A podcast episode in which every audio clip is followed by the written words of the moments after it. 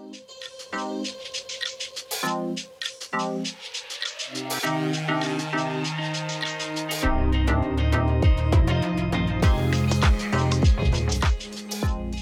partners, selamat datang kembali di podcast Partner Ing on Podcast. Semoga partners selalu dalam keadaan sehat selalu ya.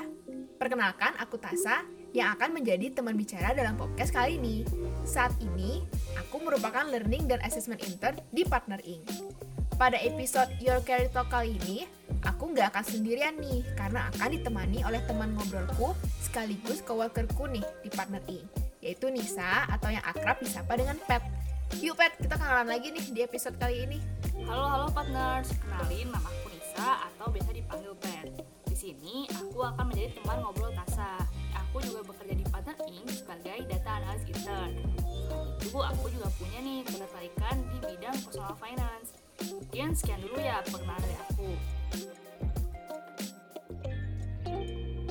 Topik kita kali ini nggak akan jauh-jauh, yaitu akan membahas tentang income management ala fresh graduates. Bakal seru nih bahasan kita kali ini. Soalnya tadi Pet sudah menyinggung sedikit ya terkait dengan ketertarikan Pet di bidang personal finance.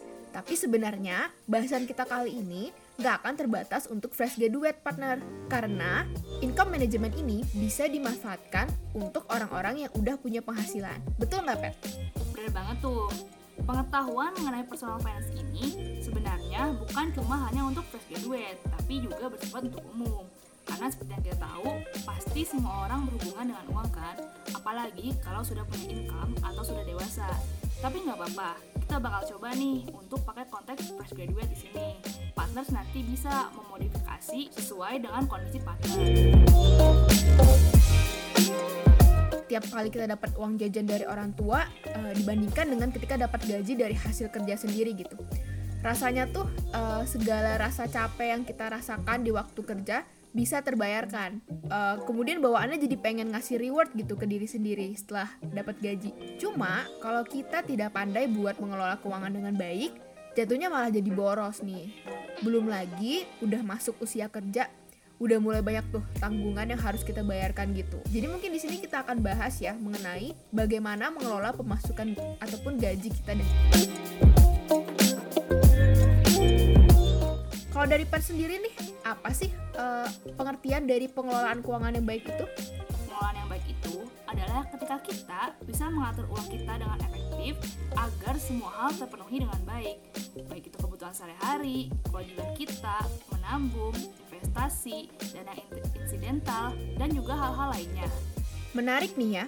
Berarti dari yang aku tangkap adalah pengelolaan keuangan yang baik itu membuat kita dapat memenuhi kebutuhan dan itu adalah hal yang utama. Dan kemudian ketika kita memiliki uang lebih, maka itu bisa digunakan untuk hal-hal lainnya seperti dana insidental, menabung, dan sebagainya.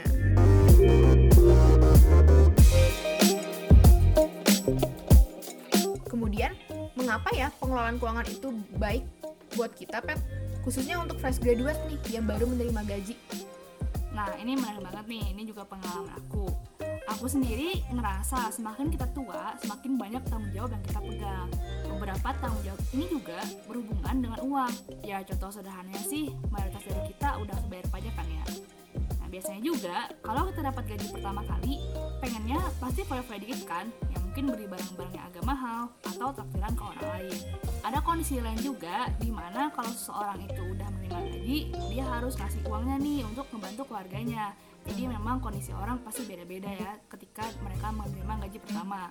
Pengelolaan uang ini akan jadi penting banget untuk kita agar kita bisa menggunakan uang dengan baik.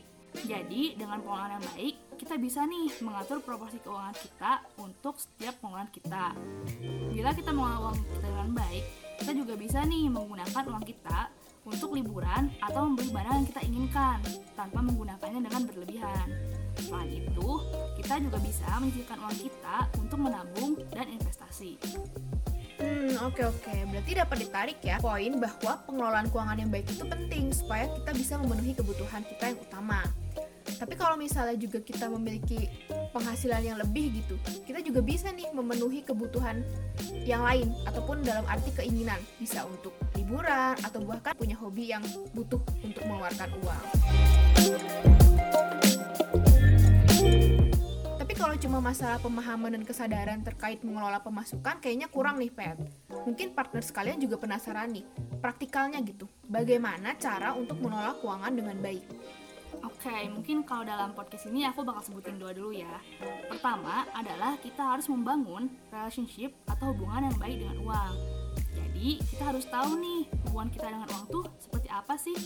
Nah, di sini kita harus ingat bahwa uang itu merupakan sumber daya yang terbatas, sehingga kita bisa menghargai uang kita dan lebih mindful ketika melakukan uang kita. Jadi kita kesannya nggak foya-foya banget nih, karena kita tahu sumber daya kita terbatas. Selain itu, kita juga harus bisa nih menjaga agar kita tidak diatur oleh uang kita. Jangan sampai kita terlalu menuhankan uang atau berpikir bahwa uang itu adalah segalanya, sampai-sampai kita mengejarnya seumur hidup. Jadi untuk relationship ini, kita bisa menjaga hubungan yang baik dengan uang ketika kita memiliki mindset yang sesuai. Nah, yang kedua, kita bisa nih melakukan journaling untuk pengeluaran dan pemasukan kita agar kita bisa mengatur uang kita. Jadi ada dua hal ya tadi terkait mengelola keuangan dengan baik, yaitu terkait dengan relationship atau mindset kita terkait dengan uang dan juga journaling.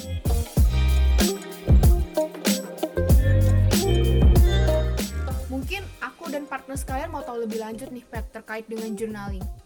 Untuk penulisannya atau mungkin caranya gitu Pet, uh, su gimana supaya kita bisa melakukan journaling keuangan dengan baik. Nah, kalau dari aku sendiri sebenarnya ada tiga nih langkah utamanya. Pertama adalah identifikasi pemasukan dan pengeluaran kita. Hal ini bisa kita lihat nih dari pengeluaran bulan lalu atau pengeluaran kita ketika kita menjadi mahasiswa. Misalnya kita lihat berapa sih uang yang kita keluarkan untuk makan, lalu untuk kos, laundry, dan lain-lain. Nah, terus kita bisa jumlahkan ya pengeluaran kita. Lalu kita juga lihat nih pengeluaran wajib kita, misalnya pajak atau BPJS. Ketika kita mengetahui pengeluaran kita, kita bisa memprediksi nih pengeluaran kita untuk bulan-bulan selanjutnya. Jangan lupa juga untuk menulis sumbernya kita ya.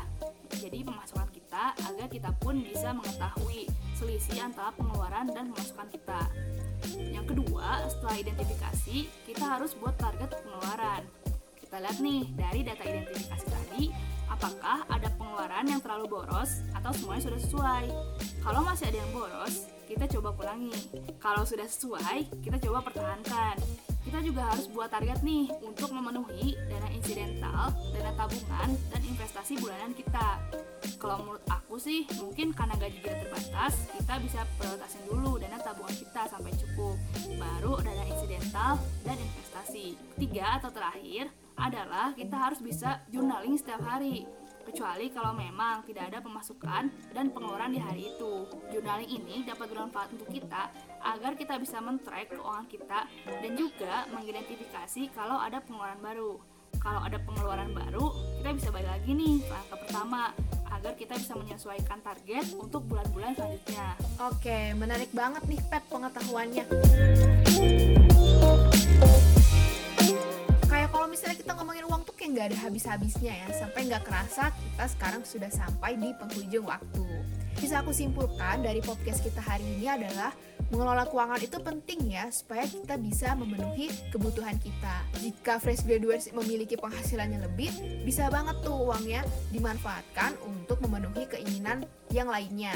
Dan bahkan prioritas penting yang tadi udah disebutkan adalah pentingnya menabung. Karena mungkin beberapa dari kita fresh graduates ada yang penghasilannya masih terbatas. Jadi menabung itu jadi poin yang sangat penting banget. Poin penting lainnya adalah yang mungkin mau coba kita sampaikan, uang itu mungkin bukan segalanya ya sampai kita harus kejar terus-terusan seumur hidup. Sama seperti sumber daya lainnya kayak laptop, HP, atau makanan, uang itu harus bisa dimanfaatkan dengan sebaik mungkin. Jadi bukan cuma kita yang kerja untuk uang, tapi uang juga bisa bekerja dengan menghasilkan uang kembali gitu untuk kita. Sehingga kita bisa mengelola uang dengan baik. Akhir kata, semoga pembahasan kita kali ini dapat bermanfaat bagi kami sebagai pembicara dan partner sekalian. Jangan lupa untuk nantikan terus podcast topik selanjutnya yang akan jauh lebih relate dengan kehidupan partners lagi. Nantikan terus ya partners. Aku Tasa, Aku Pet, with Partner E, keep learning.